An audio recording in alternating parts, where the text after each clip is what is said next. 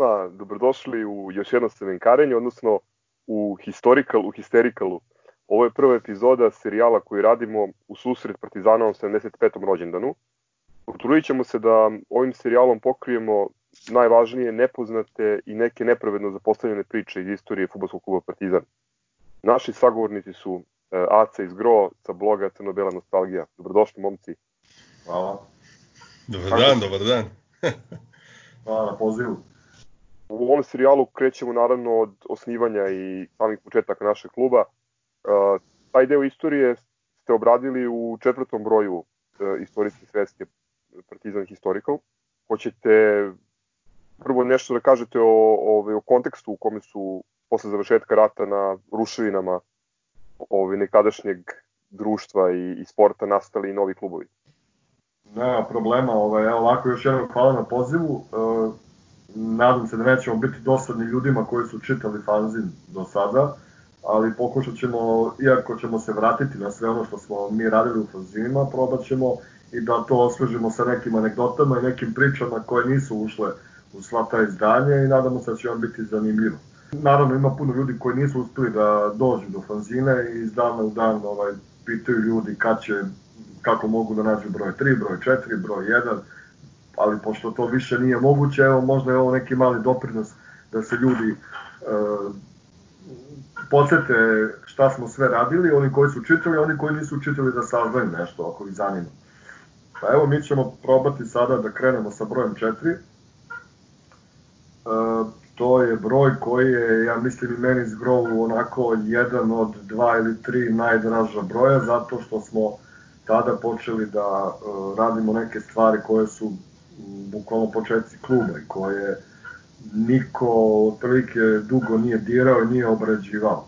Nama je to bilo kad smo bili klinci pa listamo albume sa sličicama i to nam je realno bila najnezanimljivija era Partizana početak i vidiš neke sličice uh, tamo u tamnim dresovima Partiza, ne znaš kakvi su bili u to doba i vidiš neke igrače za koje si čuo, Bobe Kvalok, Atanasković, Mihajlović, ali sve ti to nekako daleko iz strana. Zato nam je bilo veće zadovoljstvo kad smo krenuli to da radimo i da skidamo prašinu sa tih nekih um, starih vremena, prvih vremena našeg kluba, prvog perioda. Tako da je to nama bilo najzanimljivije i ovaj, šta je tu važno, onako da puno ne, ne okolišamo, tu je bitno što je to praktično e, početak kada je država se iz korena promenila, došao je novi sistem, komunizam, socijalizam, kako god, i u skladu sa novim poredkom i sport se reorganizovao. Od, od futbala, realno, samo je nekoliko klubova, velikih klubova preživelo. Svi su bili, skoro svi su bili zabranjeni, ili su jednostavno prestali da postoje, ili su ukinuti Pa su tako praktično i Partizan i naše komšije, oba kluba su nastali na razvalinama predratnih klubova BSK i Jugoslavija, koji su bili optuženi da su sarađivali sa okupatorom. Uh, od velike klubova građanske prestao da postoji, naravno, čije se ime sasvim ovaj, kosilo sa novim ovaj, stremljenjima u društvu, građanski, jel? Ovaj, Hajduk je nastavio da postoji zato što su njegovi igrači u nekom periodu 43. posle kapitulacije Italije prišli naravno slobodačkom pokretu i tako, uglavnom masa novih klubova uh, i ceo sport i naravno futbol su bili organizovani prema sovjetskom modelu. Tako je osnovani Partizan, tako su osnovani komšije, tako je osnovan Dinamo. Svi ti klubovi su bili naravno pod, pod direktnim ovaj, uh, direktnom komandom novog režima, što je bilo sasvim normalno. Evo, nije mogao sport, ani futbol nisu mogli da izbegnu uh, situaciju u društvu i te okolnosti. Tako da Partizan konkretno, Partizan je osnovan, znamo svi 4. oktobra 45. Organ, or, or, osnovala ga je grupa um, oficira, visokih oficira Jugoslovenske armije, tek pomenemo, to Svetozar Vukmanović Tempo, Peko Dapčević, Koča Popović, Otmar Krejačić, kultura, da. uh, Artur Takač, uh, Mijalko Todorović. Znaš što ću kažeš, nije sad neophodno pobrojati da, sva ta imena, da, da. Niti, niti ti možda znaš, jel, 75 godina kasnije, ko je sve bio na toj osnivačkoj ovaj, sednici, skupštini, ja. sastanku, kako god se to zvalo, ovaj, ja se nadam da ćemo jednom prilikom uspeti da, ono, da, da, da, da dopremo i do ono, vojnog arhiva, jer sam ubeđen da mora postojati neka dokumentacija, neke papiri gde je ono kao sve se nadam kao je isplivaće negde aha papir gde piše danas e, osnovan je Partizan i da se njih 17 po, ono imenom, prezimenom i potpisom da je to, ver, znaš, ako neki živ papir, živ dokaz kad se to desilo stvarno, gde, šta, kako, jer ovo sve aha, skupilo se njih, neko je viknuo, ej, mi smo bili partizani, aj nek se zovemo partizani i svi prihvatili, jel? Sudeći po ovim izvorima koji nam jesu dostupni, sudeći po svedočenjima, tu pre svega mislim na uh, Tempa Bukmanovića i na Artura Takača koji su o tome po nešto pričali i pisali u ono vreme, što je mnogo relevantnije naravno nego ova istorija koja se, koja se nakladno ovaj, tumači i prepisuje. Uh, postojale su znači dva nivoa, postojale su pripremne radnje u smislu da pre nego što je Partizan kao Partizan kao kolektiv, kako su oni govorili sportski, e, formiran, postojale su sekcije sportista pri e, raznim jedinicama vojske. I e, druga stvar, naredba za osnivanje kolektiva vrhunskih sportista iz armije, kako su govorili, je došla od ovih e, oficira koje je e, Aca pomenuo, a to su operativno sprovodili Ratko Plejić, Pavlo Jovićević, Vlado Mađarić, već pomenuti Otmar Krečić Kultura, e, naravno poručnik Artur Takač i akademski slikar Branko Šotra koji je bio načelnik Doma armije u Beogradu gde je Partizan formalno i, i osnovan. E sad njihov čovek za vezu sa oficirima je bio naravno već pomenuti Tempo. Ja bih samo tu dodao da je sve armijsko prvenstvo koje je održano u leto 45. bilo uvod u osnivanje Partizana i da je tada uh, saziv, to je bilo u avgustu, ja mislim 45. da je tada u stvari definitivno rođena ideja da se pri tadašnjoj Jugoslovenskoj armiji osnuje sportsko društvo koje bi na jedan ovaj, visoko kvalitetan način predstavljalo i armiju i sport u armiji i naravno samim tim i novo društvo. Evo. Ovaj, tako da, a Partizan je osnovan u domu armije u Beogradu, znaju svi gde je ta zgrada i tako da ovaj, to je ona lokacija, znači nije Zagreb, nažalost, mnogih, i tako, ovaj, niti je Hajduk, jel, ovaj, neka preteča Partizana, kao što se priča, da je navodno Hajduk odbio da pređe u Beograd, pa onda osnovan Partizan, mislim tako te neke novokomponovane verzije, ali da se ne bavimo time. Uh, hteo sam da kažem kako, pa pošto je Partizan osnovan 7 meseci posle Zvezde, ovaj, onda je bilo logično da Partizan je imao puno igrača ovde u Srbiji na raspolaganju Zvezda je praktično pokupila, uh, iako se oni danas busaju kako su oni naslednici, postoje neke priče SK Jugoslavije, oni su više igrača iz BSK-a preuzeli nego iz Jugoslavije. Ali nebitno, Partizan ima... Znači... Oba su zabranjena, mislim, tu da ne bude grešno. Pa da, ugasili su se prosto ono, u stvari čak ima jedan zapisnik sa snimanja Zvezde, kada taj Žujović, koji je jedan od njihovih osnivača, kaže uh, potrebno suditi i zabraniti svih klubo, za rad svih klubova predvršnih koji su stali na stranu okupatora, nenarodno su se ponašali, nisu shvatali ovaj potrebe narodno-slobodačke borbe. Sad, uglavnom, ovaj, Partizan uzeo beogradskih futbolera, tu su bili Ataracković i Đurđević, koji su igrali za Jugoslaviju pre rata, a iz BSK, koliko znam, Boba Mihajlović i Minda Jovanović, koji igra u mlađim kategorijama i mislim da je Radunović igrao, ako, ako ne grešim, za BSK. Znači, to su ti neki igrači iz prve generacije koji su bili iz Beograda. Tu je bio Ratko Čolić iz Valjeva, e onda je Partizan pokupio igrače iz Zagreba, znači, moj, to su bili, ne znam, Bobek, e, Čajkovski, Lazar, Lazar Brozović, Šoštović. Pa da, i Matekalo i da. Matekalo. Made Glazer je bio branio i pre rata za Beogradski BSK, znači on je bio po nekoj liniji Beograđani, jel? Pa došli su ovaj Simonovski iz Kopske predvratne Makedonije. Pa, uh, I Virgilije po pesku. Virgilije po pesku, bravo. Pa je Stevan Jakuš. Iz Makedonije takođe Branko Šutevski. Branko Šutevski, njemu ćemo izdvojiti jedan minut. Onda ovaj, čuveni Branko Šutevski, alias Šepe. Onda, Jane Janevski. Jane Janevski iz Makedonije, tako je. Imamo još čoveka iz Vojvodine, čijeg je sina zgro kontaktirao, o tome pričao prošli put, ovaj, Silvester Šeraš, koji strelac prva dva gola za Partizan. Da utak... Takođe imamo iz Vojvodine uh, Belu Palfija, Tako je, bravo, Bela Palfi.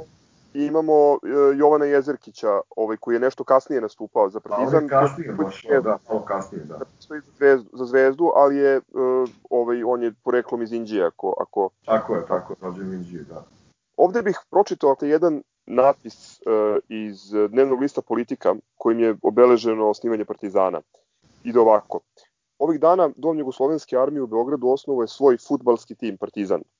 Tim će imati zadatak da utakmicama u zemlji i inostranstvu reprezentuju Jugoslovensku armiju u futbalskoj grani fiskulture. U svojoj čvrstoj odluci da uvek pruži što bolju i što lepšu igru, da igrači budu što disciplinovaniji, prema svome protivniku što više fair.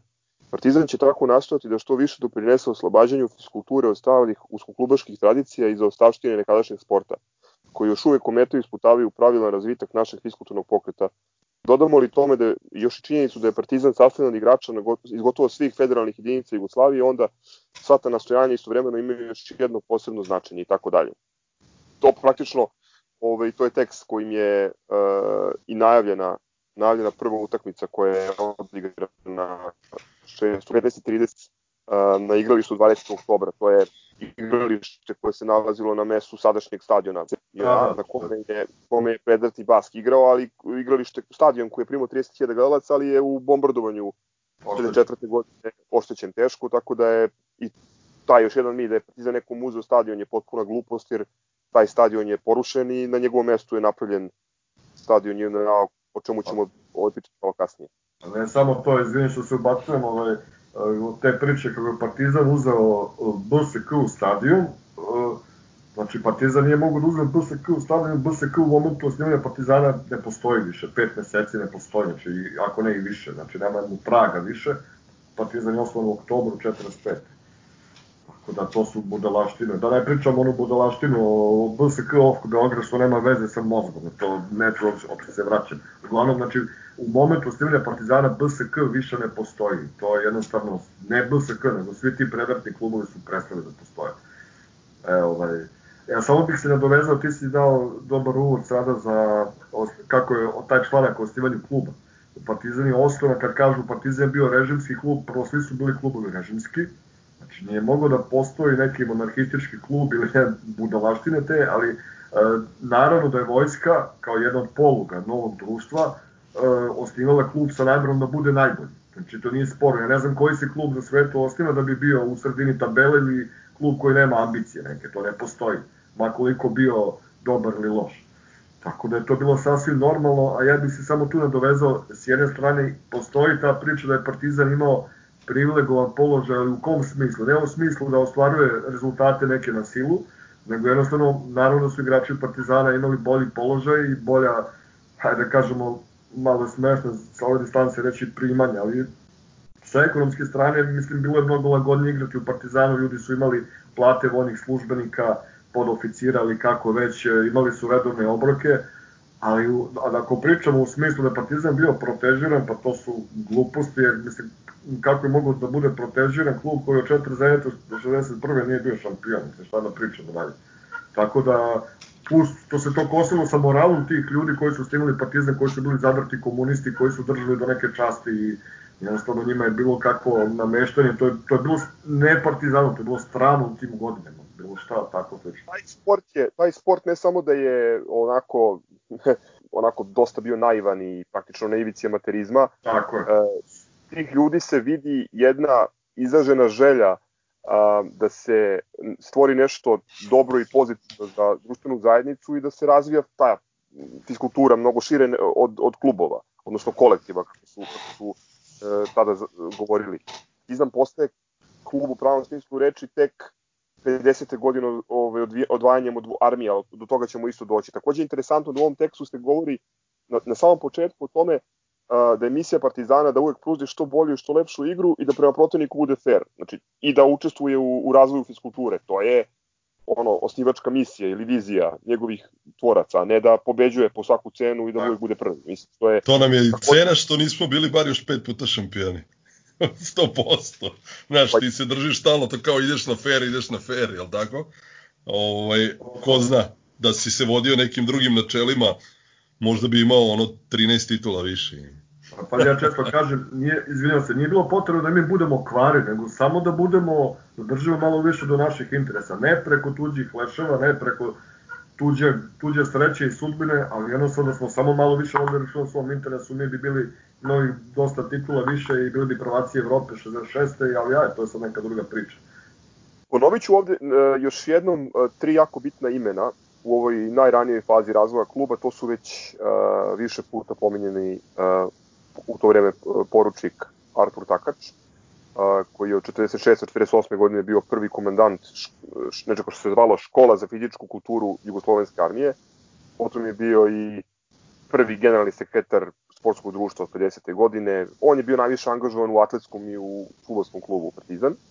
Tu je takođe već pomenuti akademski slikar Branko Šotra koji je bio načelnik e, Doma armije e, u Beogradu, e, koji je takođe bitan jer je kao akademski slikar i, i dekan ovog fakulteta za primjenjenu umetnost bio kreator i partizanovog grba. I treća osoba je naravno Svetozar Vukmanović Tempo, koji je bio neka siva eminencija ovaj, i koje možemo da zahvalimo na nekim fantastičnim zapažanjima iz tog vremena koje je on objavio početkom 70. godina u svojim memoarima. Među ostalog i priču o već pomenutom Jezerkiću, o učešću Rajka Mitića na famoznoj turneji u Sovjetskom savezu i malo šire o društvenim okolnostima i odnosima u političkom vojstvu zemlje koje se tad podelilo praktično između navijača Partizana i navijača komšije.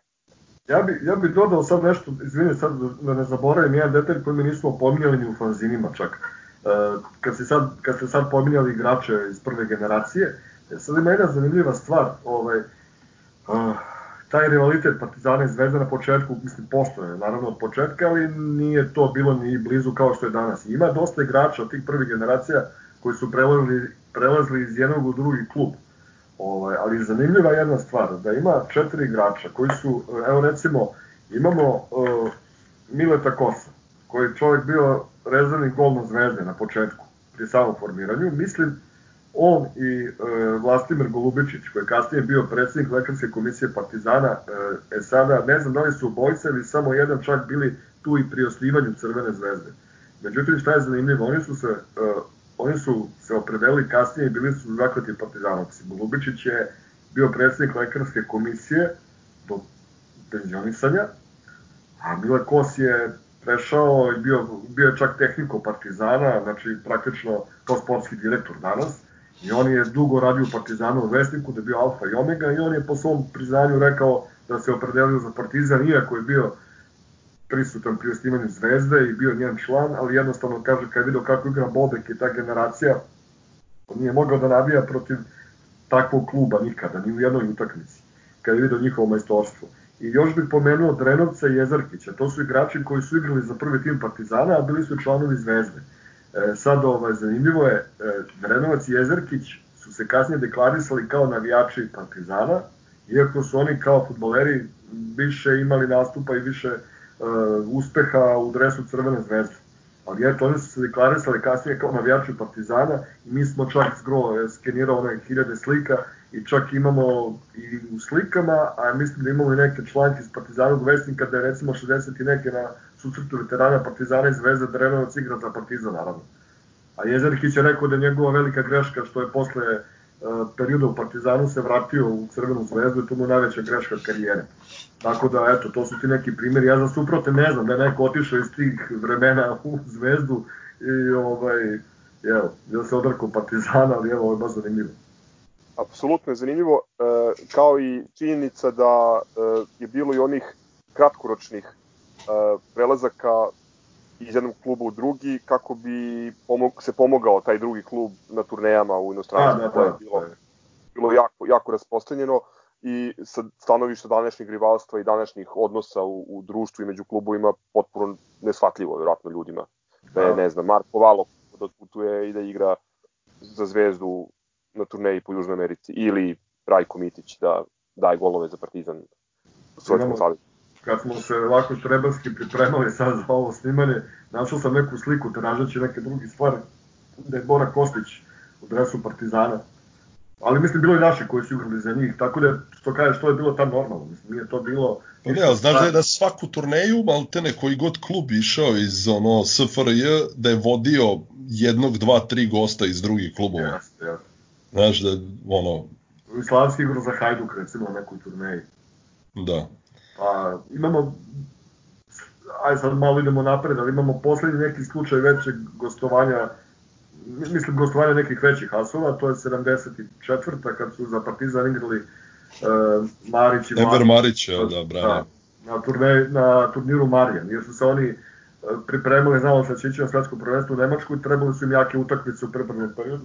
To je bio trofej Marijan, prvi trofej Marijan gde su učestvovali Partizan, uh, Hajduk, Dinamo i Zvezda. Tako da je to bilo jako onako takmičenje i njima su trebale te jake utakmice. E već naravno posle toga to je otišlo u prošlost, to više ne postoji. Se vratimo na 45. godinu i oktober, naravno u tom periodu Partizan je igrao samo prijateljske utakmice, prva utakmica već pomenuta a, protiv reprezentacije Zemuna i možda ovo trenutak da Zgro još jednom ispriča priču o prvom golu Partizana i misteriji koju ste vas dvojica rešili. Pa znaš kako, nije to sad bilo kao ovaj, da smo mi tu nešto uh, kao izmislili. Prvo, ti ono od uvek znaš onu fotku, ovaj u padu, daje gol, golman pada i za lepo vreme pune tribine. I kao onda gledaš izveštaj, ima onaj, ja mislim u par monografija klubskih, onaj isečak rukom pisan kao sastav tima Partizana gde piše datum Partizan protiv reprezentacije Zemuna 4-2 ko je dao golove samo su pobrojani strelci ni redosledom ni ništa. Ovaj i šta je tu na primjer zanimljivo na tom dokumentu koji je očigledno pisan tada u zaglavlju ovaj papira ono to je bukvalno hartija iz neke sveske na linije piše Zemun 6. oktobar 1945. I onda smo mi bili kao ono, je li ta utakmica igrana u Zemunu ili na stadionu 20. oktobar, odnosno na, na budućem JNA, Znači kao, da li je moguće da i tad, znači, narednog dana po, po završetku utakmice neko napisao da je mesto dešavanja bilo u Zemunu. To mi je malo, ovaj, ne znam, malo mi je i to čudno, znaš ali si sa par strana pa našao i najavu utakmice i izveštaje sa, tih, sa te utakmice i kao definitivno je odigrana u Beogradu i definitivno se to desilo na našem stadionu budućem ovaj i kao Partizan pobedio i svuda u svim izveštajima o broju posetilaca to je sve nešto onako u par stotina. Na jednom mestu je pisalo 200, na drugom ne znam Znači, nigde nije bilo da su prebacivali hiljadu. I ovaj, čak i u tom kao zvaničnom rukom pisanom dokumentu piše kao broj gledalaca 200. Ti na toj fotografiji koja stoji svuda vidiš da je na toj tribini onako poprilična gužva, da na njoj već ima ono preko hiljadu ljudi i da je sunčano vreme i da je lep dan, ne liči na oktobar, uh, sun, mislim u koje vreme dana je trebala utakmica da se igra sumnjam da je u oktobru u 15.30 ono ljudi u publici stavljaju onako štite se rukom od sunca. Malo mi je znaš razdrljeni svi onako. Da svi razdrljeni u kratkim rukavima malo mi je onako sedam stvari ti ne odgovara uh, oktobru razumeš? I ovaj mi smo tada kao skapirali daj stani malo si kao aj čačkaš dalje I onda kad smo došli do, do tog um, ključni, ključni neki trag za dalje nam je bio taj izveštaj iz borbe u kojem su jasno bile opisivane akcije kod postizanja sve jednog gola gde se jasno ovaj kaže da je kao prvi gol postigao Šereš, pa kako je išlo dalje sve. I je tako i drugi? Da, da, da. I znaš, kao, da li je moguće sad da je ono na, na, na, na, na x um, mesta u zvaničnim klubskim publikacijama su Vuda, Matekalo, Matekalo, Matekalo, Matekalo. Naravno, Matekalo je ostavio neizbrisiv trag u klubu, znatno duže se zadržao, pogotovo u radu posle sa mlađim kategorijama, kao ono veliki trener koji iznedrio brojne ono sjajne igrače i, i, i onako čovjek pred kojim kao zlatnim slovima ispisan u istoriju kluba, ali daj da ono kao što bi sad pisali da je on ako, ako je ono jednostavno taj prvi gol postigao neki, neki drugi čovjek. Znaš, evo, bukvalno iz izveštaja, ja sad gledam, kaže u 22. 22. minutu iznenadim prodorom, e, polutka Zemuna Jovanović postiže prvi gol, iza prvog gola igra postaje življa, navala Partizana je stalno pred golom Zemuna, u 41. minuti levo krilo Šereš niskim udarcem izjednačuje rezultat, a malo iza toga ponovnim udarcem povisuje na 2-1. I sad kao, daš, kao te dve rečenice, tebi jasno stavljaju do znanja da je Šereš stvarno strelac dva gola i to prva dva gola u, u Partizanu. I onda ona priča sa Mađarom Molerom, koji mi je ono kao dolazio često i u kuću i radio nešto s nama i ovaj i u firmi. Ovaj povezao me s čovekom, sutra mi je nabavio broj telefona, tako sam se ja ispričao s njegovim sinom dobrih pola sata, onako prilično emotivan jedan razgovor gde mi je čovek u, u, u više navrata se zahvaljivao što se neko setio pa nazvao ga pa i kako bi njemu značilo da dok je on živ kad već otac nije doživeo da se ispravi nije to ni nepravda nego to je samo nečiji propust nema ili kako god to nazvati. to je nemarnost. Nepravljanje samo nema tako je. E, nepravljanje razlike između prvog gola u istoriji Partizana i prvog prvenstvenog gola u istoriji Partizana koji jeste postigao Matekalo u utakmici protiv pobede iz Skoplja, ali toga ćemo doći kasnije. Tu je e, oko te slike da je definitivno još jedan ovaj da kažem krunski dokaz koji nam je mm, objasnio da ta slika da je Matekalo u padu postiže gol, da je to u stvari tekma protiv pobede, prva u šampionatu to je golman koji se vidi na toj slici u belom nekom svetlijem dresu u stvari i sa kačketom i kasnije kad su oni ukrstili podatke i neke slike videli smo da je to Boris e, Ivanovski zvani Bubi. Tako se zvao čovek je da on bio neki vrlo vrlo, vrlo poznat i priznat golman u, u, maket, u ovom pobedi, skopskoj pobedi koja, koja je posle ponela ime Vardar. I onda kad smo uporedili slike njegove iz tima pobede i i te slike sa utakmice protiv Partizana, bilo jasno da to je isti čovek, znači čak i isti kačket nosio, isti dres, mislim, nevjerovatno. Tako da tu nije više bilo dileme. Dakle, posle ove utakmice, prva sledeća bitna utakmica koju mislim da treba pomenuti je zapravo dvodnevna turneja Partizana u Banjskoj Bistrici krajem oktobra 45. tačno je 28. oktobra. Partizan je pozvan da gostuje u, u mestu koje je bilo sedište ustanka Slovaka protiv nacizma i tom prilikom su gostovale naša futbolska i atletska ekipa. Dve utakmice po onim papirima što smo mi gledali, to su bile dve utakmice, jedno smo dobili 3-1, ako se ne varam, ne znam za drugu, aj podsjetite me. Ovaj. Imali smo dve, dve utakmice su bile tamo, ali pre tog odlaska ovaj, u tu Banjsku Bistricu je bila utakmica protiv reprezentacije, je li tako? Praga u Beogradu ta je utakmica navedena kao u Partizanovim nekim zvaničnim ovaj arhivama kao prva prijateljska utakmica protiv neke međunarodne ekipe, da je ona na primjer odigrana 20. oktobra, a onda 5-6 dana kasnije kad je Partizan krenuo na tu mini turneju u, i odigrao kraj sam kraj oktobra, valjda 28. 9. 30. Ovaj igrali smo protiv to tima slovačke vojske, njih pobedili 3-1, a protiv reprezentacije ili kako se to već zvalo ekipe te Banjske Bistrice, njih smo dobili 4-1. Izvini, ona je jedna poznata slika, e, znači to je datira od tada, ona u onim belim, da kažem, dresovima, majicama, cijela ekipa onako malo nepravilno raspoređena, kao da su se sastali onako drugari iz razreda pa se slikali, ove, nisu poređeni po nekoj liniji, to je znači ta slika datira sa tog gostovanja. Bele, bele kratke majice, ako se dobro sećam, to je to. Meni je sa tog gostovanja najupečetljiviji detalj, odnosno fotografija, onaj autobus. Autobus, koji, da. Kao, tamo peva, kojima su naši igrači putovali u Slovačku. A, prva sledeća utakmica, ili ajde kažem, uslovno rečeno prva ozbiljna međunarodna utakmica odigrana u Beogradu a, na tadašnjem igralištu 20. oktober je gostovanje CDK, odnosno današnjeg CSK iz Moskve, kluba koji, kao što je Aca već pomenuo, je u velikoj meri bio uzor uh, prilikom formiranja Partizana. Uh, ovu utakmicu uh, koja je igrana 5. decembra 1945. Uh, po snegu i hladnom vremenu posmatralo je oko 30.000 gledalaca. To je ono, to, to smo izgubili, je tako 4-3? Izgubili smo 4 golove su postigli Bobek i Matekalo 2. Da. Ove, ovaj, ono što sam teo da pomenem je da a, osim ovog neverovatnog broja gledalaca a, po snegu i hladnom vremenu, koji se doći u tome da je postojalo bez ikakve dileme veliko interesovanje za futbal u Beogradu.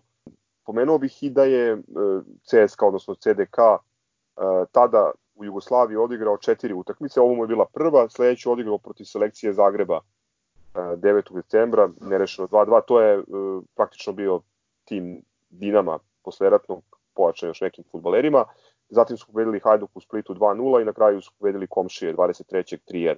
Rekao si da je CSKA bio model po kojem je Partizan osnovan, armijski klub, i Artur Takač je to rekao u onom intervju da onda su i po uzoru na CSKA uzeli Partizan uzeli crveno-plave boje.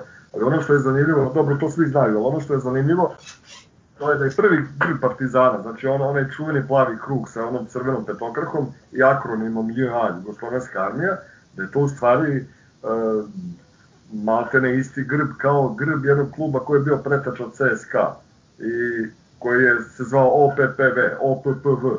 Sad nemam pojma na ruskom kako ide ta pun naziv kluba, nebitno, ali eto, ko, ko ga ne mrzi može tamo da googla i da nađe i da ukuca, da ode na Wikipediju, na stranicu CSKA Moskva, najjednostavnije, i da nađe tu preteču CSKA Moskva i tačno se vidi da je grb isti takav. Ali ono što je zanimljivo da je verovatno je taj grb i Partizanov prvi grb poslužio kao ovaj, inspiracija za grb eh, kluba koji je bio pretečnost TU, ali umesto JA ili OPPV pisalo je, ako se ne varam, ASA, kao ASA. E, to je neka skraćenica koja se odnosi ne znam na šta, u vezi sa rumunskom vojskom i to, i iz tog kluba je nastala STU-a. Znači to je to praktično tri identična grba. Plavi krug i crvena petokraka, samo su druga slova bila unutra. Ali taj grb, jasno, nosili smo možda negde do, do jeseni 47. onda nastaje nešto što je praktično sadašnji grb Partizana, možemo kasnije da se vratimo na to. Partizan je proveo punih meseci ili jače te kao zimskog perioda na Primorju, pripremali se za to neko novo takmičenje. A interesantno iz te ture je bilo da smo polovinom marta prvi put gostovali u Zagrebu i igrali protiv Dinama i onda su usledili i susreti sa ostalim članovima buduće te velike četvorke. Jel tako da je prvi večiti derbi odigran na pravoslavni uskrs, Uh, kako beše datum 21. april, ja mislim 46. Je li tako? Partizan je pobedio 2-0, eto da spomenemo i strelce, golove su dali Rupnik i Mihajlović. Mihajlović da. da. Partizan je tom prilikom igrao u belim dresovima, to je. E, da, znači imamo i taj podatak. Yes, da. da. To je ona slika zajedno, kad se slikaju jedni drugi zajedno. Jeste, jeste. Jest. možeš misliti. da, da, da, da, da. I onda je bio i onaj, između toga je bio i susret sa Dinamom u Beogradu, koji smo dobili 2-1, pa prvi susret sa Hajdukom. Znači ti si već tu gradio neku, jel tako, na kao četiri neka najveća ili a, projektovana da budu, ili prepoznata da budu kao najveća iz četiri centra sa, znaš, u stvari ono kao dva beogradska, zagrebački i splitski. Pa da, samo bi se dovezao, tu je mislim bilo jasno, to sam ja rekao na početku, svi su ti klubovi imali uporište u partiji, u vojsci, neko je bio vezan za jedan centar moći kao partizan za vojsku, neko drugi kao cigani su bili vezani za udbu e, i za republičku vlast, e, Dinamo je bio vezan za, za tadašnji poredak, novi poredak u Hrvatskoj, Hajduk je imao isto te neke e, partizanske korene, da kažemo, otišla, otišla ekipa tamo u, u Partizane 43. na Vis, Tito Kirigin je bio njihov tamo vodeći čovek koji je imao debeli background, ovaj komunistički, partizanski, znači svi su oni bili vezani za novi režim, tako da pogledamo samo ove čelnik predsednike Zvezde, Demita Miljković, čovjek iz politike, pa onda imaš ovoga nekog Radočića koji je načelnik Kudbe, da ne pričam posle Nikoli Bugarčiću koji tuko studente 68. i tamo ovaj, bio upravni golog otoka, znači svi su oni bili klubovi režima, tako da to je ta priča što je bilo i normalno, mislim, ne možeš, nije moglo drugačije jednostavno. Skroz, Gro je tu pravu, izvidi što kaže, ove, da, oni su bili, ti klubi su bili projektovani da budu nosioci futbala u novoj državi. I svi su imali, Hajduk ima tu tradiciju veliku predratno, je bio šampion pre rata, Dinamo je opet bio klub iz uh, možda najjačeg futbolskog centra u, u tadašnjoj zemlji.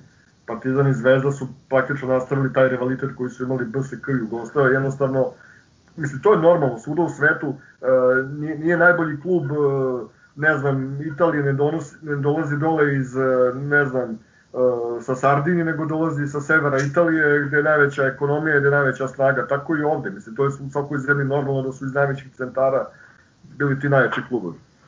Ja ono što mi je ostalo u sećanju dok smo radili taj broj, e, igrali smo sa ekipama koje su i danas bitan faktor u poljskom futbalu, to je bila Krakovija, mislim dve utakmice protiv njih, E, utakmica protiv Legije, utakmica protiv Lođa, evo dodajte s kim smo još igrali, znam za te rivale, znači sve smo to pobedili ubedljivo.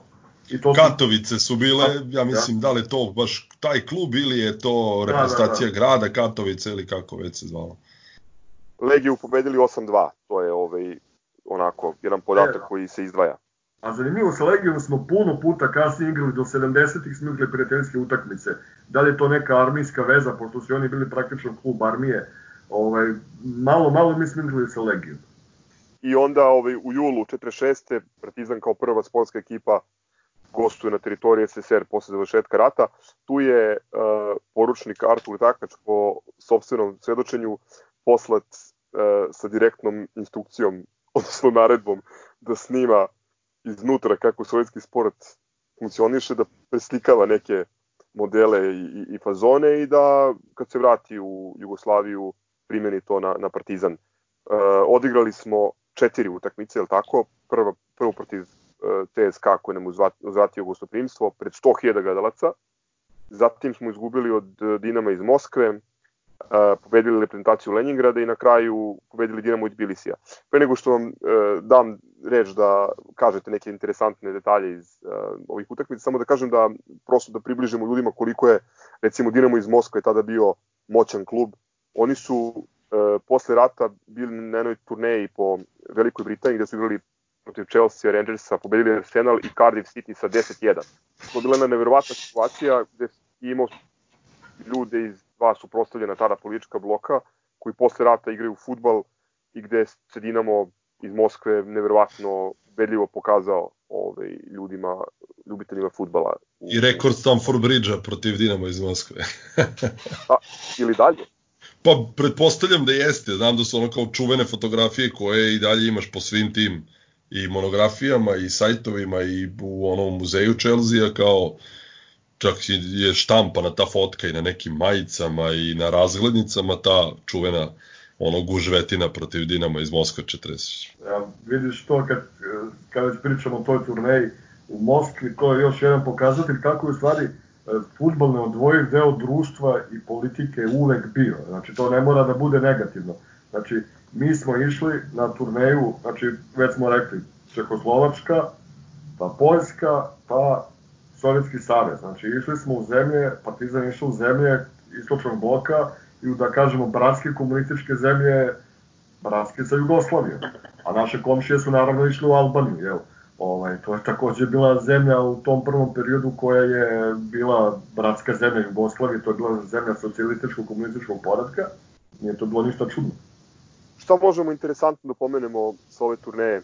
Pa ima jedna sjajna anegdota, ja moram da ispričam, vi znate, ali ja mislim da ne znaju naši čitovci, uh, prilikom te turneje, naš golman Franjo Čoštarić je ovaj, u jednom trenutku, da li u trenucima alkoholisanosti ili čega već, nekog besa, on je gađao sliku Stalina koja je visila tamo na nekom zidu. I on je, ovaj, znači svi su ovi naši popizdali, bio je to veliki čin nepoštovanja domaćina, mislim, pa gađao sliku Stalina 46 u Moskvi, to je nevrovatno. Kad su se vratili u Beograd, oni su njega za kaznu poslali u Rijeku, šest meseci. Iako je bio vrhunski golman, znači nije se mogao Partizan zamisliti bez njega. Oni su njega poslali u Rijeku za kaznu, međutim njemu tamo nije bilo loše, on je tamo upoznao svoju buduću suprugu. I, ovaj, i on se tamo upoznao svoju buduću suprugu, oženio se u Rijeci, a njegovi e, klubski drugovi, mislim Kvarner je to bio, tada se zvao Kvarner, današnja Rijeka, njegovi klubski drugovi e, tadašnji u Kvarneru su mu poklonili kao svadbeni dar ovaj, gitaru. Eto, tu sjajnu anegdotu meni je ispričao pokojni Mišo Cvijanović, kojeg moram da pomenem ovom, prilikom, to je jedan nevrovatan čovjek, bio novinar, e, čovjek renesansne kulture, koji je znao sve, ne o futbalu, nego o pozorištu, koji je pisao knjige o pozorištu i o filmu, pričao sa bivšim i sadašnjim glumcima, a o futbolu da ne pričam šta je sve znao, bio je pre svega navijač Partizana, a potom i Rijeke i nalazili smo njegove karikature kao gimnazijalca u Partizanu u Vesniku. Eto, meni je veoma drago što sam makar virtualno uspeo da se upoznam s tim čovekom i da razmenjujem s njim mailove i eto, nažalost, to više nije među živima, već godinu dana. Tako da, eto, ta anegdota o Šoštariću je potekla od njega. Znači, čovek je znao neverovatne stvari, neverovatne detalje.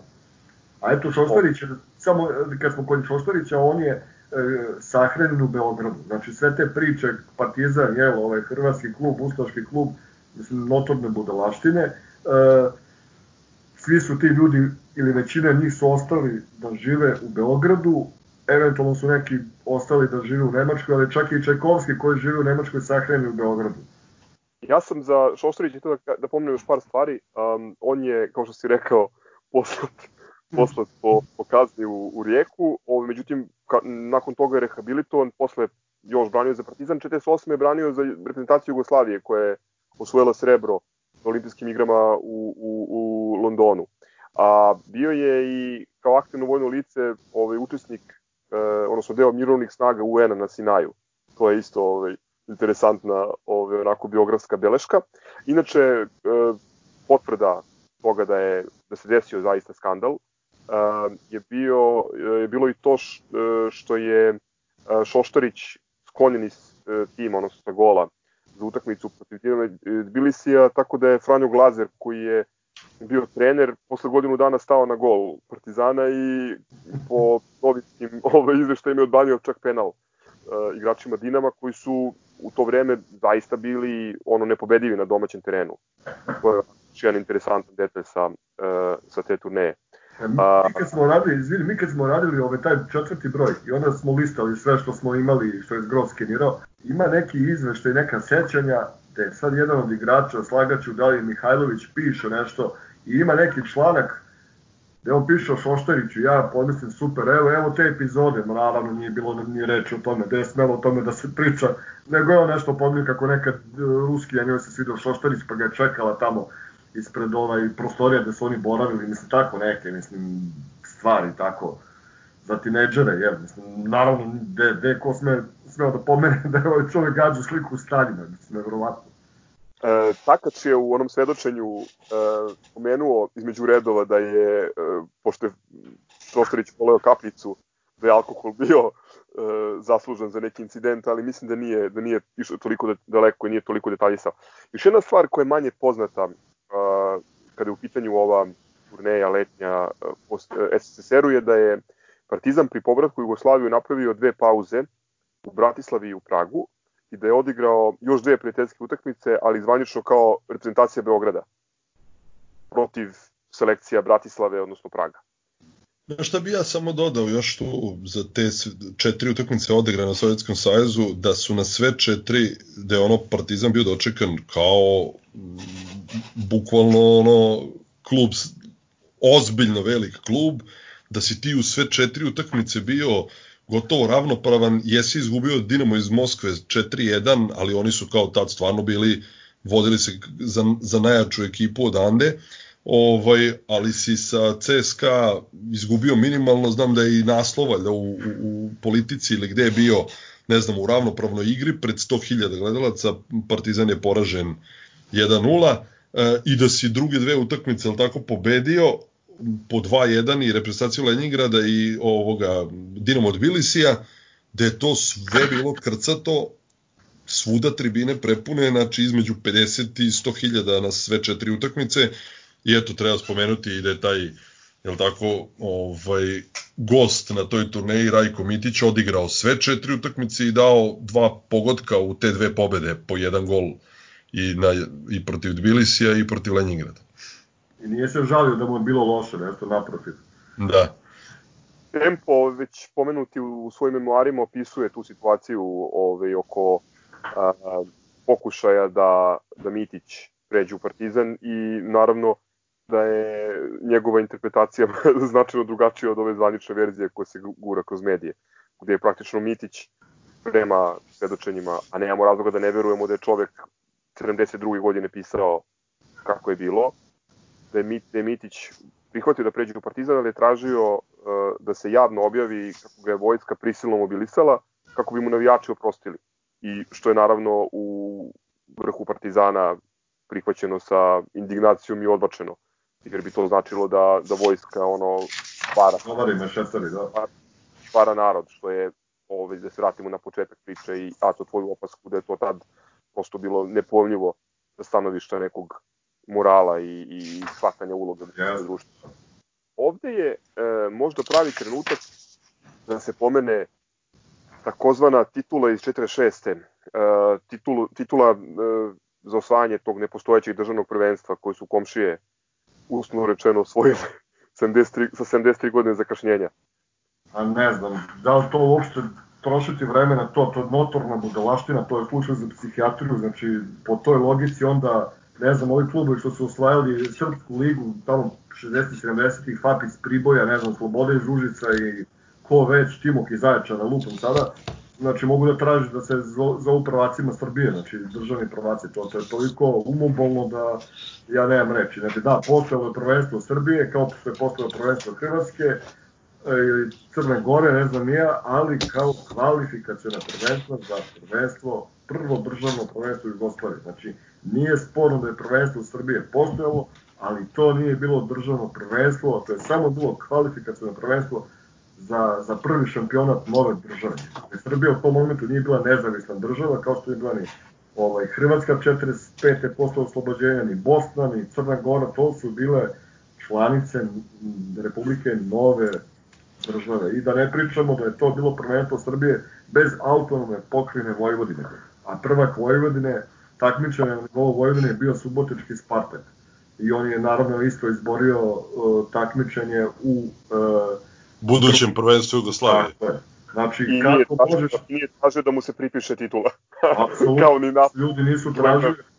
Meni nije jasno da, čak ako pogledaš nekom logikom, Spartak je taj koji bi možda ne imao pravo, nego bilo bi, mogao bi da razumem, iako to nije ovaj, sportski i nema veze sa nikakvom nacionalnom titulom, ali donekle bi mogao da razumem da, da ljudi traže nekakvu titulu, jer su klub bez titula u Jugoslaviji, ali da jedan klub koji ima toliko titula, koji je čak bio i pobred kupa šampiona, da mu dupe zirnulo za nekom nepostojećom titulom 4-6, to je stvarno ono fenomen jedan za izučavanje nekim klinikama, razumeš, to je, to je prosto bolesno. Tako da ne znam, ne znam zašto, ne, ne bih trošio nešto puno vremena na to. Ja stvarno verujem da će se ono kao, mislim verujem, ne verujem njima ništa, znaš, ali kao verujem desit će se za 10 godina neka nova garnitura tamo kod njih koja će reći daj ljudi brišite ovo sramota je čoveče. Ja da je to Partizan uradio, pa znaš kao, čovjek, prestaneš da ideš na utakmice, kažeš ne treba mi, nemoj, molim te. I imam ih 20 i koliko, nemoj mi dodavati jednu bez veze. Znaš, mislim, A. šta ono, ne, oni su vidjeli uradio Hajduk, ajmo i mi. Bože ti pomozi. Da, da. Ali nije uradila... Da ne pričamo što je to negiranje celovitosti Srbije, znači oni samim time uh, Vojvodinu izbacuju iz Srbije. E, ono što je bitno e, pomenuti na ovom mestu takođe je da je posle letnje turneje u Sovjetskom savezu umesto Glazera trener Partizana postao Ilje Špic. Da. I to na pripruku Džine Simonovsku koji ga je poznavao iz Makedonije. Ilje Špic koji je ono priča za sebe, takođe jedan renesansan lik sa pravom filmskom biografijom ovaj, koji možda nešto može da se kaže, pravi začetnik Partizanove trenerske i futbolske škole. Da, mađarski jevrej koji je bio čak, koji je radio dole pre rata, koliko znam, u Makedoniji, u Skoplju i on je, maltene, bio je na putu za logor ili za streljanje, je li tako? Da, da, da. Pa su ga izvukli, ovaj, u zadnji čas su ga spasili, ovaj, kao poznatog i priznatog trenera, ovaj, Tako da, eto, on je, i zato i ta veza Simorovski špic, on ga je znao dole iz Makedonije, iz Koplja i onda ga je predložio za, za i ovaj, nažalost on je i preminuo u Skoplju, tako? Toko utakmice, da, da. ono, Vardarovka, Beograd 60 koje je da, prve, druge, tako? Da. da. Oktobar 61. ja mislim da smo negde zapisali. Ali on je to ostao najviše upamćen po Partizanu i, i rodonačelnik Partizane futbolske škole. I ima dosta anegdota sa njim, on je čovek pričao srpski naravno, ali sa specifičnim mađarskim akcentom, frljao se padežima i onda bio je dosta zanimljiv ovako i dosta duhovit. Bio je dosta zanimljiv našim igračima u to doba. Sa svojim upadicama, sa svojim doskočicama nekim. Mešao je rodove, muški, ženski, ali sve to bilo simpatično u to doba. Čovek koji je praktično razvio Partizanov napadački DNK i kad se pogleda iz tih generacija koje on vodio, neverovatan broj zaista vrhunskih igrača i trenera koji su kasnije u velikim klubovima širom Evrope preneli ono to njegovo znanje dalje i na određeni način bili ambasadori Partizana. Od Bobeka u Grčkoj preko Zebeta u Ičekostu u Nemačkoj, Jusufija, mislim gde god se pogleda u, u, i isto to je pisalo u nekim drugim ovaj, istorijskim sveskama, pa ćemo i o tome naknadno pričati. Kad pogledaš kroz istoriju, uh, pošto naravno Partizan kada je osnovan 45. Špic je naravno u tom momentu bio čovek sa strane, jel, koji je u Mađarskoj i na drugim mestima gradio karijeru. Znači, to, tu je nekako počela ta istorija da Partizan uh, najbolje ili među najboljim trenerima ima ljude sa strane. Znači, to je prosto neverovatno. Ljudi koji su postizali najveće uspehe su dolazili sa strane ili koji su davali neki najveći doprinos Partizanove igre. Eto, Ilja Špic naravno, ovaj, pa onda da pričamo o, o Mladiniću koji je 78. napravio rekord, ovaj, osvojivši osvojivši ovaj, titulu prvaka na neki majstralan način i vrlo ubedljiv. Pa imamo Ivicu Osima koji je 92. prve, druge ovaj, dao neke nove momente u igri Partizana i počeo da pravi neki tim koji nažalost nije mogao zbog političkih okolnosti da pokaže svoj potencijal. Uh, Abdul Gegić je Da, Obzal Gegić koji je 66. došao do finala Kupa šampiona. Znači, dosta često se dešavalo da ti ljudi sa strane ovaj, daju veliki doprinos kao treneri Partizanove igri. I, dakle, počinje prvo prvenstvo ove zajedničke države, nove, 25. augusta, prva utakmica prvenstvena uh, protiv pobjede iz Skoplja, već pomenuta, 1-0, 15.000 gledalaca, Stelac Matekalo, to je ovaj gol koji smo ovaj, detaljno opisali. Hoćemo li kratko o, o toj sezoni u kojoj je Partizan osvojio prvu pa. titulu u poklonu? Može, tu treba reći da ovaj, to prvenstvo je bilo prvo u novoj državi, dosta je ovako bilo haotično. 14 klubova je učestvovalo, tu su učestvovali pobednici tih kvalifikacija, ponavljam kvalifikacija, a ne prvenstava državnih. Znači, to su bili ovaj e, Srbije, e, Crvena zvezda, Metalac, e, Spartak kao pobednik kvalifikacija na, na nivou Vojvodine, e, Partizan je, budimo iskreni, recimo po specijalnom pozivu učestvovao, e, onda tu su još bili Dinamo Zagreb, Hajduk Split, Lokomotiva Zagreb, pobeda Skoplje, Kvarner iz Rijeke, to je današnja Rijeka, budućnost iz Titograda, današnje Podgorice, Sarajevski željezničar, 14. oktobar Niš, Nafta iz Lendova iz Slovenije i Poncijana iz Trsta. O, ova četiri kluba koji su na kraju zauzeli poslednja četiri mesta, meni su jako zanimljivi. E, u tom periodu to je ova Poncijana iz Trsta, Sarajevski željezničar, 14. oktobar i Nafta. Zašto? Zato što ovaj, e, ja mislim da imamo neki podatak da se, koliko je bilo haotično stvari to prvenstvo, ti tu vidiš da je ova e, nafta evo, Riječki Hladin se uključio u takmičenje tek 6. oktobra. A Trševska Poncijana se kasnije uključila, znači još kasnije ili krajem oktobra je to kao gost. Uh, ona, ona u stvari Poncijana je bila ovaj projekat nove jugoslovenske vlasti u borbi za Trst. Trst je naš, jel? E, to je bilo radničko sportsko društvo, ima italijanski naziv, amatori, sportiva, nema pojma, Poncijana. Uh, uglavnom, oni su bili sportsko oruđe u borbi za uh, prisjedinjenje Trsta Jugoslaviji. A ova nafta iz Lendove je zbog finansijskih problema napustila takmičenje posle 18. kola i njeni svi dotadašnji rezultati su se priznali. A mečevi koje oni nisu stigli da odigraju zbog napuštanja su se ovaj, registrovali 3-0 par forfe za njihove rivale. Uh, A onda ovaj niški železničar, e, koji je u prvom delu šampionata nastupao kao železničar, e onda se on na pola šampionata fuzioniše sa Raričkim iz Niša i sa jedinstvom i onda e, se u ovom drugom delu takmičenja naziva 14. oktobar. Znači on totalno haotično takmičenje, Partizan je protiv Poncijana igrao dva puta, oba puta na strani i Partizan je kao domaćin, kad treba da bude domaćin, on je ugostio Poncijanu u Ljubljani. Znači, to je bilo skopčano i sa tim troškovima i sa organizacijom puta, pa se onda ide, ajde se odigraju obe utakmice, ma to je bio show, to je bilo stvarno haotično takmičenje, ali Partizan je tu bio zaista nadmoćan, ne po nekoj političkoj liniji, jer jednostavno imao najbolji tim. Znači, i u suvereno osvojio taj prvi šampionat. Da, i ovaj- bilo je tu par situacija i tu i taj, ne znam, i Sarajevski željezničar, na primjer, pa zbog finansijskih poteškoća nije doputovao u Beograd na utakmicu protiv Partizana, koja je opet registrovana 3-0, tako da ono što kažeš, bilo je i tih nekih otkazivanja i registrovanih ovaj, mečeva službenim rezultatom, ali si ti na kraju kad se podvuče crta ubedljivo osvojio ovaj, tu titulu, uh, ispred Dinama Zagrebačkog, jedina dva poraza su bila od njih i od Zvezde u prvom derbiju i to je to, imao si jednu nerešenu i ostalo su bile pobede. Yes. Gol razlika 77 prema 17, znači plus 60. Da.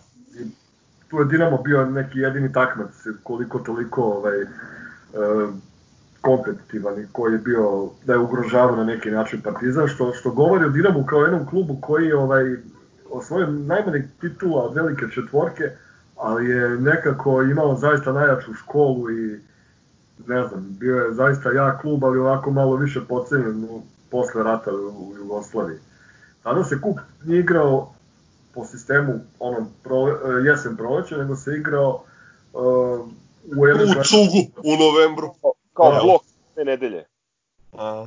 Da, da, da. Odradili su onako na ruk sve i uglavnom Partizan je tu ovaj, osvojio kup, pošto u finalu pobedio naša krila, ali, ali do tog ovaj, finala Partizan je igrao sa uh, ovim, kako se zove, proleterom iz Prištine, ja mislim.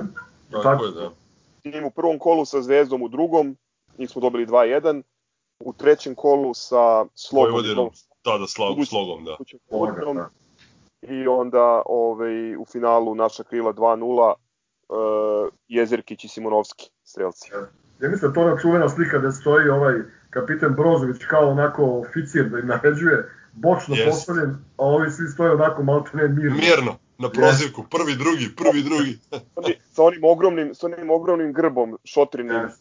preko celi grudi. I to je praktično prvi trag tog našeg da ne kažemo sadašnjeg grba, to je, to je u stvari osnova od današnjeg grba i njegova prva verzija, kao u hokeju, onako veliki grb preko, preko celog dresa. To je onako, baš onako upečatljiva slika, e, vetar neki jak duva, sve se one zastave iza pršaju, dosta je onako zanimljiva slika. Ovaj. Tu ima i onaj sken iz politike koji je Zgro našao ovaj, sa naslovom Partizan tim centralnog doma Jugoslovenske armije, osvaja prvi trofej Mašala i svi naši igrači, svi promotivci sa uniformama vojničkim i sa vojničkim kapama. Da, da, da, da. Oko trofeja. Sa onim letama baš izraženim. Hoćemo sada malo o, o igračima, neke, neki kurioziteti. Ja bih počeo, ako nemate ništa protiv, nije očigledno mesto, ali meni onako drag igrač, Ratko Čolić, prvi brk Partizana. prvi brkovi Partizana. Najveći futbaler sa UBA. Tako je. Oni Raća Petrovići. A znate za onu sliku, mislim vi znate, ali setit će se ljudi koji slušaju one slike četiri ili pet ćelavih igrača Partizana obrijanih na nulu. To je u stvari jedna anegdota da je da Rat, ovaj, Ratko Čolić imao brkove one, ko Claire Gable otprilike. Ovi su ga zajebavali njegovi saigrači e, da stvarno izgleda pravi seljak sa tim brkovima i da mu ne stoji. Uh, I onda su ovaj i onda je on napravio opkladu, jednu ponudio mi opkladu, kaže aj ljudi ovako, ako ja obrijem brkove, da li ćete vi ovaj pošto insistirate da ja brijem te brkove seljačke, da li ćete vi onda da se ošišate na nulu. Oni su rekli, hoćemo, nema problema, jednog jutra pojavio se Ratko Čolić bez tih brkova. I da, onda, sutradan ti Čajkovski, je li tako, Bobek? Da, Bobek. Da li Rupnik bio, Atanacković i onaj fizioterapeut ko je bio? Šijačić, tako je, na njih pet. Stoje obrijani, znači na nulu. I ovaj, Kao skinhead band iz 82. Yes. Tako da i to govori možda da nije bilo možda ni u tom društvu socijalističkom i prvim poratnim godinama nije bilo sve tako striktno i strogo i pod, pod palicom armije i partije, mislim, bilo je tu mesta sigurno i za neku zajebanciju te neke stvari. Hoćete da kažete nešto i o ovom gospodinu iz uh, Kumanova, odnosno iz... Um... Moramo, to, to prosto ne, ne može bez toga da ide priča. Kako to je... se zove selo? Mlado na Goričane. Goričane, da. Na Goričane. na Goričane, ne znam kako se akcentuje. Ovaj. To, je, to je šepe, šuterski kao, ali ne, on je, čovjek se zove Branko. Znači, to je prava mala odiseja. E, to je, mi smo pokušali, nismo imali nikakve podatke. Čovjek je odigrao jednu jedinu utakmicu u tom prvenstvu protiv Kvarnera. I ovaj, i nismo, ne znamo dakle da krenemo. I ja postavim na Twitter nalog crno-bele nostalgije, ljudi treba neki podatak, zna li iko bilo šta o čoveku koji se zove Šepe Šuterski. I meni se javlja posle, nemam pojma, dan, dva, e, čovek sa S radija, Stevan Denkovski, možda ste čuli za njega, mislim da je voditelj, na S radiju kaže, zdravo druže, vidi, moj deda igra s njim futbol, ja u šoku. Kaže, on je iz Kumanova. Super, rekao, ti meni možeš daš neke podatke, nešto crno na belo. Kaže, ja imam kod Čaleta neku monografiju futbolskog kluba Kumanova, ja mislim, ili monografija grada Kumanova, nije sad toliko bitno. Ja kaže, idem to ti slikam i ja ti šaljem te podatke. Sjajno, ali kaže, vidi, on se ne zove Šeta, on se zove Branko. Odlično, rekao, rešili smo veliku stvar. I čovjek je stvarno posle dan, dva meni poslao nekoliko slika, gde smo mi prvi put videli sliku tog čoveka. Čak imaju neke dve slike, ja mislim, jedna je kad je igrao futbol u Kumanovu, a jedna je kad je posle bio trener. I ono što je nevjerovatno, čovek je igrao samo polu sezonu za Partizan. Onda je dobio neki poziv, da li to bio poziv ili direktiva, da on ode ovaj, u Kumanovu, to čuveno mlado Nagoričane, da bude učitelj. I on je čovek napustio karijeru u Partizanu i sve i otišao tamo i bio učitelj dugo. I šta je najfascinantnije u svemu, mi smo, kad smo dobili ovaj ime sela, mi smo probali da, da nađemo ovaj, njegov datum ili godinu, godinu rođenja, godinu smrti, posle smo pretpostavili da čovjek više nije živ. Izgro iskopo negde neki, e, mislim da je u stvari izgro iskopo ime škole. I ti si našao, je tako, onu im, e, sliku gde njegova bista stoji. Bista stoji u nekoj školi u tom selu gde je on predavao, pa da. Jeste. I onda ti si našao, ja mislim, spisak nekih škola, ono, kao da je štampa, ne pojma, 99. na, na samim početcima interneta na Balkanu, ili 2001. ne znam. I ti si meni dao neki mail uh, od te škole, Hristijan Karpov se zove škola. I mi smo onda, ja krenem, aj kao da im pošaljemo mail.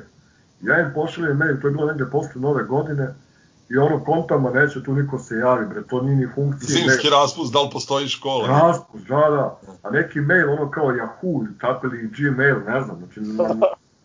Tačka nju. I pošalje mail i ono kao onda se ga zaboravio, rekao ovo niko nikad neće odgovoriti to, kakvi vratit će se mail. Međutim, posle nekoliko dana stiže odgovor, ljudi su oduševili. Kao, ne veruju, kao, hvala vam što se interesujete, da, Branko Šutenski je bio naš, ovaj, da li bio čak i direktor, ja ne znam. Jeste, jeste. Da. Jeste, da. Nešto kao i počasni da, da, posto, da, da. kao direktor. I oni ljudi nama daju ovaj podatke, kaže javit ćemo, on mi je rekao okvirno kad je čovek rođen i kad je umro i na kraju su mi potvrdili. Ovaj, ali tu se ja setim i našeg ovaj, navijača i čoveka, momka koji prati sva ova naša izdanja, Grujo iz Kumanova, koji svaki broj naručuje redovno, I ja kažem, Grujo, ajde vidi, molim te, i on je na kraju imao neku komšinicu ili rođaku koja je tamo radila u toj školi. I ona nam je isto potvrdila te podatke da su... Ali otišla žena do škole, pa slikala da, taj da, da. spomenik, pa smo videli da je na, na, na, na, ovaj, na spomeniku bila isklesana futbolska lopta. Yes. Sad ono, datum kad je umro nešto, 70 neke, ono. 73. ja mislim. Da, da. to upisano u tom. Jeste, jeste. A Stevan Denkovski, kojem se, eto, zahvaljujemo ovom prilikom, koji nam je dao prvi taj inicijalni ovaj podatak, on je nama rekao jednu anegdotu sjajnu da je taj ovaj naš igrač Branko Šuterski imao je običaj, recimo kaže ovako kad, kada uče neko slovo, kada je deco danas učimo, ne znam, slovo J, kao, šta imamo na slovo J, jaje, kao, e, ko će da donese vašem učitelju sutra neko jaje, i onda deca staće, donesu po neko jaje, ili koku, ili šta već, ovaj, onako, baš, neki živopisan lik je bio izgleda. I eto čovjek koji je odigrao jednu jedinu utakmicu za Partizan, eto uspio da buđemo u trak. Od tih manje poznatih igrača, možda interesantna ovaj, priča van futbolska je ovog Stevana Jakuša. Jeste, Stevan Jakuš koji je igrao, ovaj, koji je Slovak, čovjek je Slovak poreklom. I eto, moram tu da se setim, ovaj, on igrao posle Partizana, otišao je u Maču da igra. Ovaj, I tu smo isto došli do podatka njegove smrti tako što smo on pokušali, mislim moramo ko arhivatori ulazimo na sajtove grobalja, znači ovo no, novosadsko komunalno preduzeće, ne znam kako se zove, koje brine o grobljima tamo. Da, Lisije. Lisije, jeste. Ima sjajan sajt, ne znam da li, da li ta opcija postoji, ti ukucaš ime ovaj, čoveka, pokojnika i tebi izađe kad je rođen, kad je umro, na kojoj parceli je sahranjen I ja on kao sad kucamo Stevan Jakuš, jer stvarno je redko prezime. I ladno nema izra, mislim, nema sto Stevana Jakuša. I pro, mislim, provalimo da je to taj čovek i našli smo i godinu smrti, ali ovaj, trebala nam je slika, nismo imali sliku i onda ovaj, saznamo da igramo u Mačvi i neko je negde okačio neku sliku iz, iz Mačve u nekom prugastom dresu, što nama nije bilo bitno u kojem je dresu, samo da imamo sliku čoveka. I onda sam ja ovaj, pitao mog velikog druga, nažalost pokojnog Dušana Filipovića, pošto je on poreklom iz Šapca bio, ajde Dule, možeš nekako da dođeš do ove knjige, znam da je autor bio izvesni Bogdan Sekendek i Dule ono, pošto je imao neki neverovatan entuzijazam prema Partizanu, kaže, ostavljam sve, odmah zovem Šabac, dakle, dobro, ne moraš odmah, mislim, za koji dan, ma odmah zovem, on mi se bukvalno javio posle nekog vremena i njegov prijatelj njegovog oca je poznano tog sekendeka, uh, otišao je, slikao je, skenirao je tu ovaj, fotografiju i tako da smo mi u vrlo kratkom roku imali fotografiju Stevana Jakuša u onako solidnom kvalitetu. I eto, ostalo je, znači, zabeležena zabeležena je njegova fotografija, eto imali smo i njegovu kratku biografiju i njegovu sliku. Kod njega ima isto taj ovaj, interesantan, gotovo filmski biografski detalj da je, pošto je bio učesnik narodno-slobodačke yes. borbe i učestvovao u oslobađanju Jugoslavije, da je bio u grupi uh, vojnika koji su uh, prilikom ovaj, čišćenja severne Slovenije od, od nacista da, da, da. sa pripadnicima britanske vojske u Južnoj Austriji, oni su odigrali prijateljsku utakmicu gde je on učestvovao ovaj, kao baler na strani Partizana, naravno. Da, da. je isto onako interesantna priča. Ove, ovakve priče, odnosno detalje, anegdote, bukvalno imamo za sve ove naše igrače iz te prve generacije. Zato je neverovatno kad se pogleda, mislim, kako su ti ljudi živeli, šta su napravili, šta su ostali za sebe. Hoćemo još ovaj Virgila, odnosno Stanislava Popeskova da pomenemo kao nekoga ko je kasnije isto bitan jer je učestvovao recimo u, u ovoj ekspediciji našoj koja je na Old Traffordu 66. godine sačuvala vodstvo iz Beograda kako je bilo, on je poreklom Rumun, je li tako? Ovaj, ajde sad ti povate šta je, šta je čovjek bio i kako je.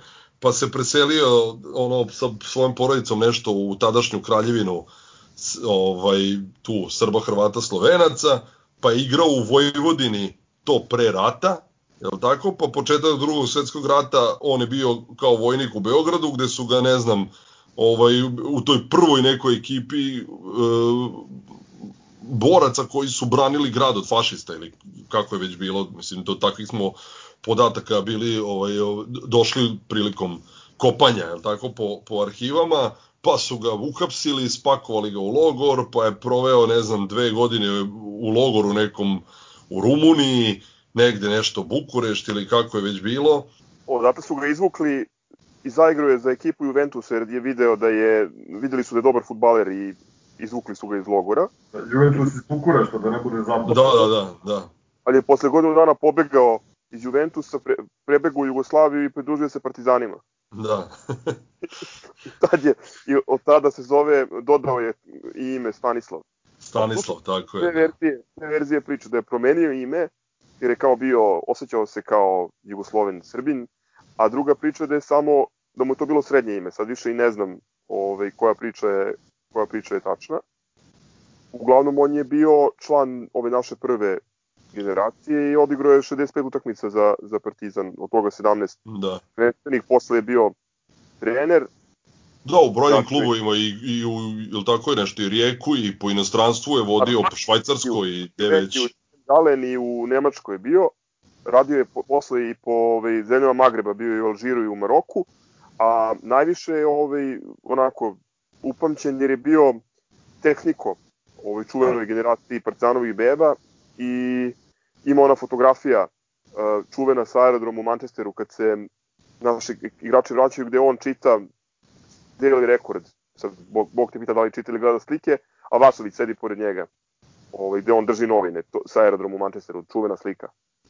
Bilo je tu još ono kao zanimljivih imena, znaš da smo i onda uporedo kad smo Šutevskog tražili da smo i onoga Janeta Janevskog, ali tako, koji je, koji je ono posle Partizana odigrao je nekih desetak utakmica za Partizana, posle Partizana je kao ostavio ozbiljno, ozbiljnog traga u, u, u Skopskom Vardaru. Da, a posle je bio nešto i ozbiljan trener u Turskoj, valjda u Bešiktašu ja, i gde već. Da, pa je bio, ne znam, i onaj Momčilo Radunović, Da. koji je imao tu nesreću kao važio je za ono sjajnog uh, veznjaka, ali je bio rezerva Bobeku, znaš, kao sad zamisli da si rezerva Bobeku, ono, koliko imaš, koliko ćeš imati prostora da, da uopšte zaigraš. Jel tako, pa je on čovjek isto nešto ostavio ozbiljan trag u Slobodi iz Tuzle, gde je posle radio nešto kao fotograf i Jeste, jeste. I tamo je umro i sahranjen 1992. znači početkom rata u Bosni. Ove, imao je fotografsku, što se rekao, fotografsku radnju Foto Momo u Tuzli. A ovaj, on je eto, imao, em što imao nesreću da je igra na mestu kao i Bobek, kažu svi da je bio odličan igrač, on je bio u mlađim kategorijama BSK, Beogradskog pre rata. Ali kao nije se odlikovao ni nekom velikom fizičkom snagom, to mu je bio hendikep, a inače je znao, je, ozbiljno je znao futbol da igra. A eto da pomenemo, eto recimo za Janeta Janevskog mi nemamo godinu, prosto nevjerojatno da nigde ne postoji ni makedonskim ovaj, nekim sajtovima, ne postoji godina rođenja, godina smrti. Mislim, ne vjerujem da je čovek živ. Ima bi 100 godina sada. da, to isto i za onog golmana koji je došao odande, I jel tako je, Rist- Rista Nikolić, kojeg makedonci zovu Risto Nikolov. Zanimljivo da je čovek iz Strumice, a iz Strumice je i naš isto pokojni golman Blago iz Tatu, koji je dosta kasnije branio za Partizan. Znači, Strumica dala dva golmana Partizanu.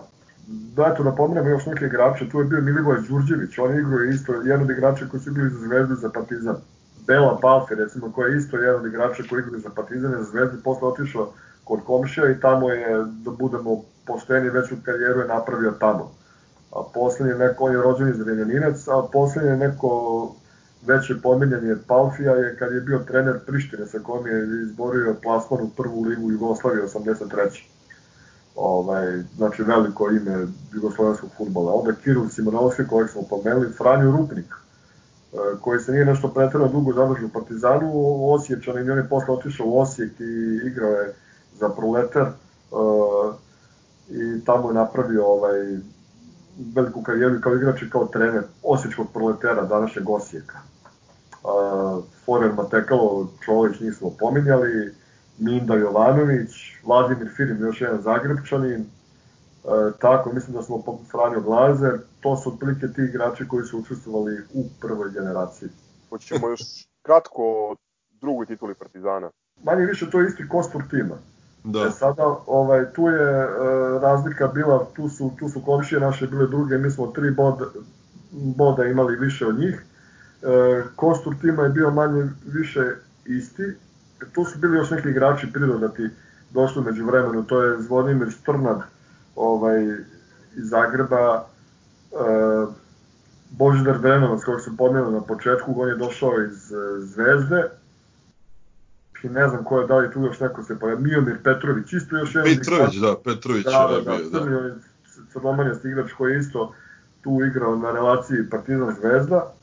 Bila je praktično ista ekipa kao u prvoj, neki igrači više nisu bili tu, kao Rupnik, kao naravno Šuterski, Janevski, ti ljudi koji nisu igrali puno utakmica. Tu je Zlatko Čajkovski onda, kao novo ime Marko Valuk, naravno, koji je ušao u istoriju, hvala Bogu i dalje živi zdrav, kao najbolji strelac u istoriji ove Beogradskog večetog derbija. Božidar Senčar, koji kasnije emigrirao na zapadnu Evropu.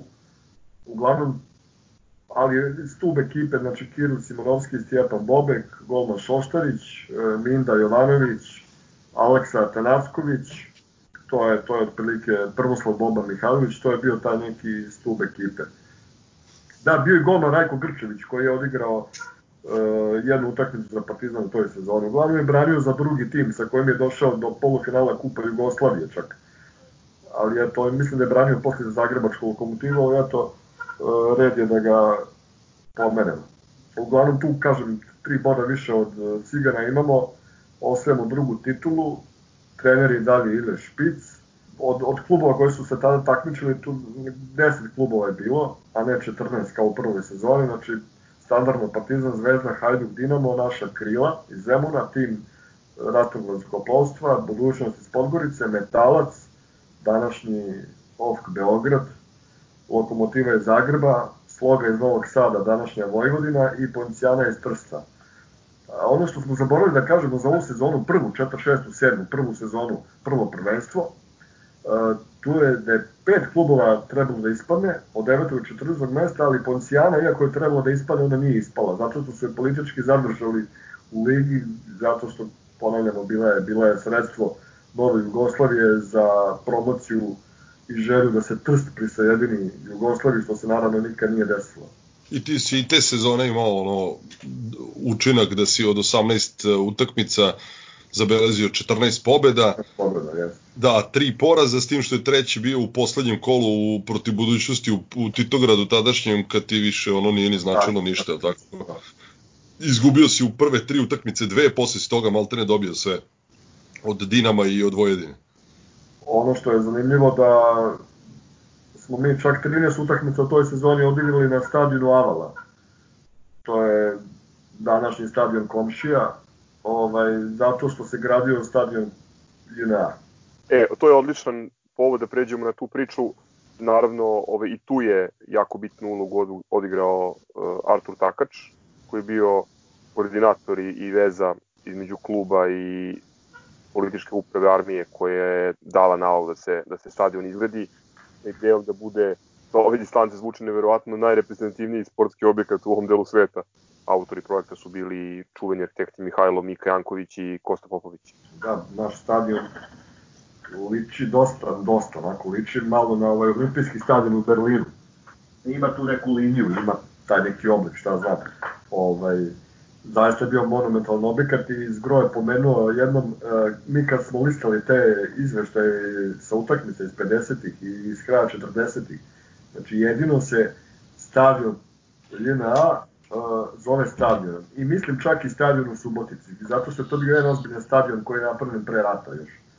I, a ovo su sve bila igrališta, igralište Zagreba, igralište Hajduka, igralište ovo, igralište ono, samo često, ova... često je u izveštajima, Aha. nije ošte pisalo stadion na, nego samo utakmica stadion. igrana na stadionu. Dakle, zna se koji je stadion, šta ima da, stadion? Nema dva, nema dva. Stadion koji se zvao, bio je predvrstni stadion BSK, što je Dule pomenuo, 29.000 ljudi, posle nešto proširen, imao je reflektore, međutim u bombardovanju, uh, mislim čak i savezničkom da je žestoko stradao, da je uništena klubska arhiva BSK, a to se sve dešava pre, pre ovaj, osnivanja Partizana. E onda je poneo ime Stadion 20. oktobar, u skladu sa novim stremljenjima u društvu. E, onda je ovaj, počeo se gradi stadion, stadion ovaj, JNA, ono što je zanimljivo stadion INA je u oktobru, ja mislim, 49. je tako, je 9. kao otvoren utakmicom, jednom to je bilo Jugoslavija-Francuska. A Partizan je prvi meč odigrao na novom stadionu 22. decembra 1949. protiv Zagrebačkog Dinama i Partizan je pobedio 3-2. I to se vodi kao prva utakmica futbolskog kluba Partizan, odnosno tadašnje futbolske sekcije, jel? Da. na stadionu, na svom stadionu gde smo ono našli negde podatak isto na zvaničnim klubskim ono kao kad je Partizan odigrao prvu utakmicu na svom stadionu, neko je onako neproveravajući podatke, e pa kao ako je 9. oktobra 49. igrala Jugoslavija, a Partizan igrao prvu u Beogradu posle 5 dana, to je ta protiv Rabotničkog ili koga je ono bilo da su napisali. Da, da, da Znaš, i onda kao nađeš izveštaj iz novina gde piše danas će se na stadionu, na, ne znam, na igralištu Avala ovaj, odigrati dupli program, utakmica e, Crvena zvezda ne znam s kim i Partizan ne znam, sa Rabotničkim. I onda skontaš da se taj stadion nije uopšte ni otvarao, da je bio otvoren Tako. samo za tu utakmicu reprezentacije i povremeno za ovaj neke veće, eto to kao bilo obeležavanje dana, dana vojske, el tako, pa 22 decembra su igrali Partizan i Dinamo, to je zvanično prva utakmica Partizana ovaj, na svom stadionu, pa stadion opet nije bio korišten do sledeće godine finala kupa ili kad već, je tako? A zvanično JNA je otvoren utakmicom finala kupa uh, 1951. u decembru.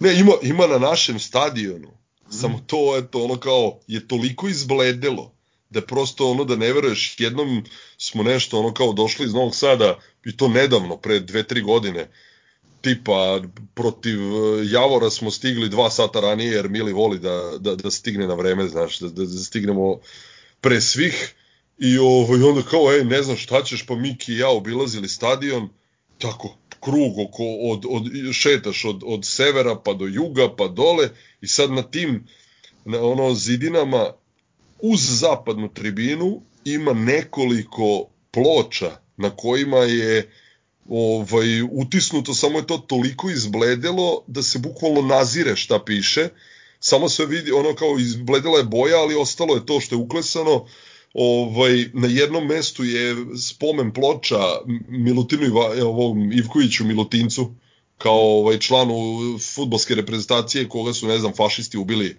43. Ta je tabla otkrivena na stadionu na dan tog finala Kupa 51. gde je ovaj, izvanično znači, stadion otvoren 22. decembra 1951.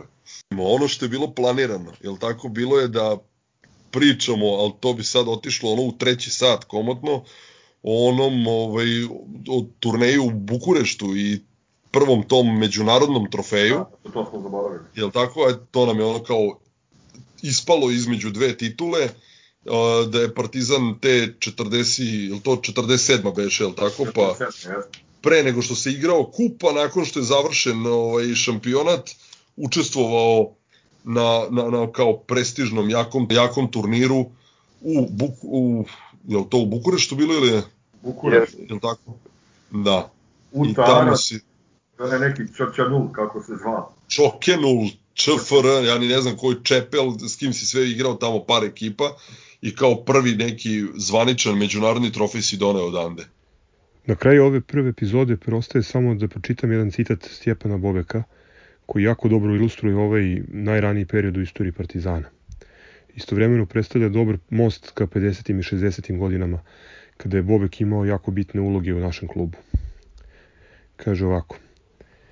Srećan sam, čak presrećan, što sam igrački vek proveo u jugoslovenskom timu, jer smo kao partizan predstavljali skup talentovanih Srba, Hrvata, Bosanaca, Makedonaca, Crnogoraca, Mađara, Rumuna, Slovenaca. Već na prvom koraku zavoleo sam svog cimera Bobu Mihajlovića, s kojim sam kasnije podelio mnoge srećne i turubne godine. Uskoro sam upoznao i naše neposredne rukovodioce. Nisu me prevarili Matančić i drugovi koji su mi u Zagrebu govorili da ću obući dres budućeg velikog kluba. Hvala puno. Išto tamo posla. Usmo. Ostanite kod kuće, napred Partizan, čuvajte se. Pozdrav.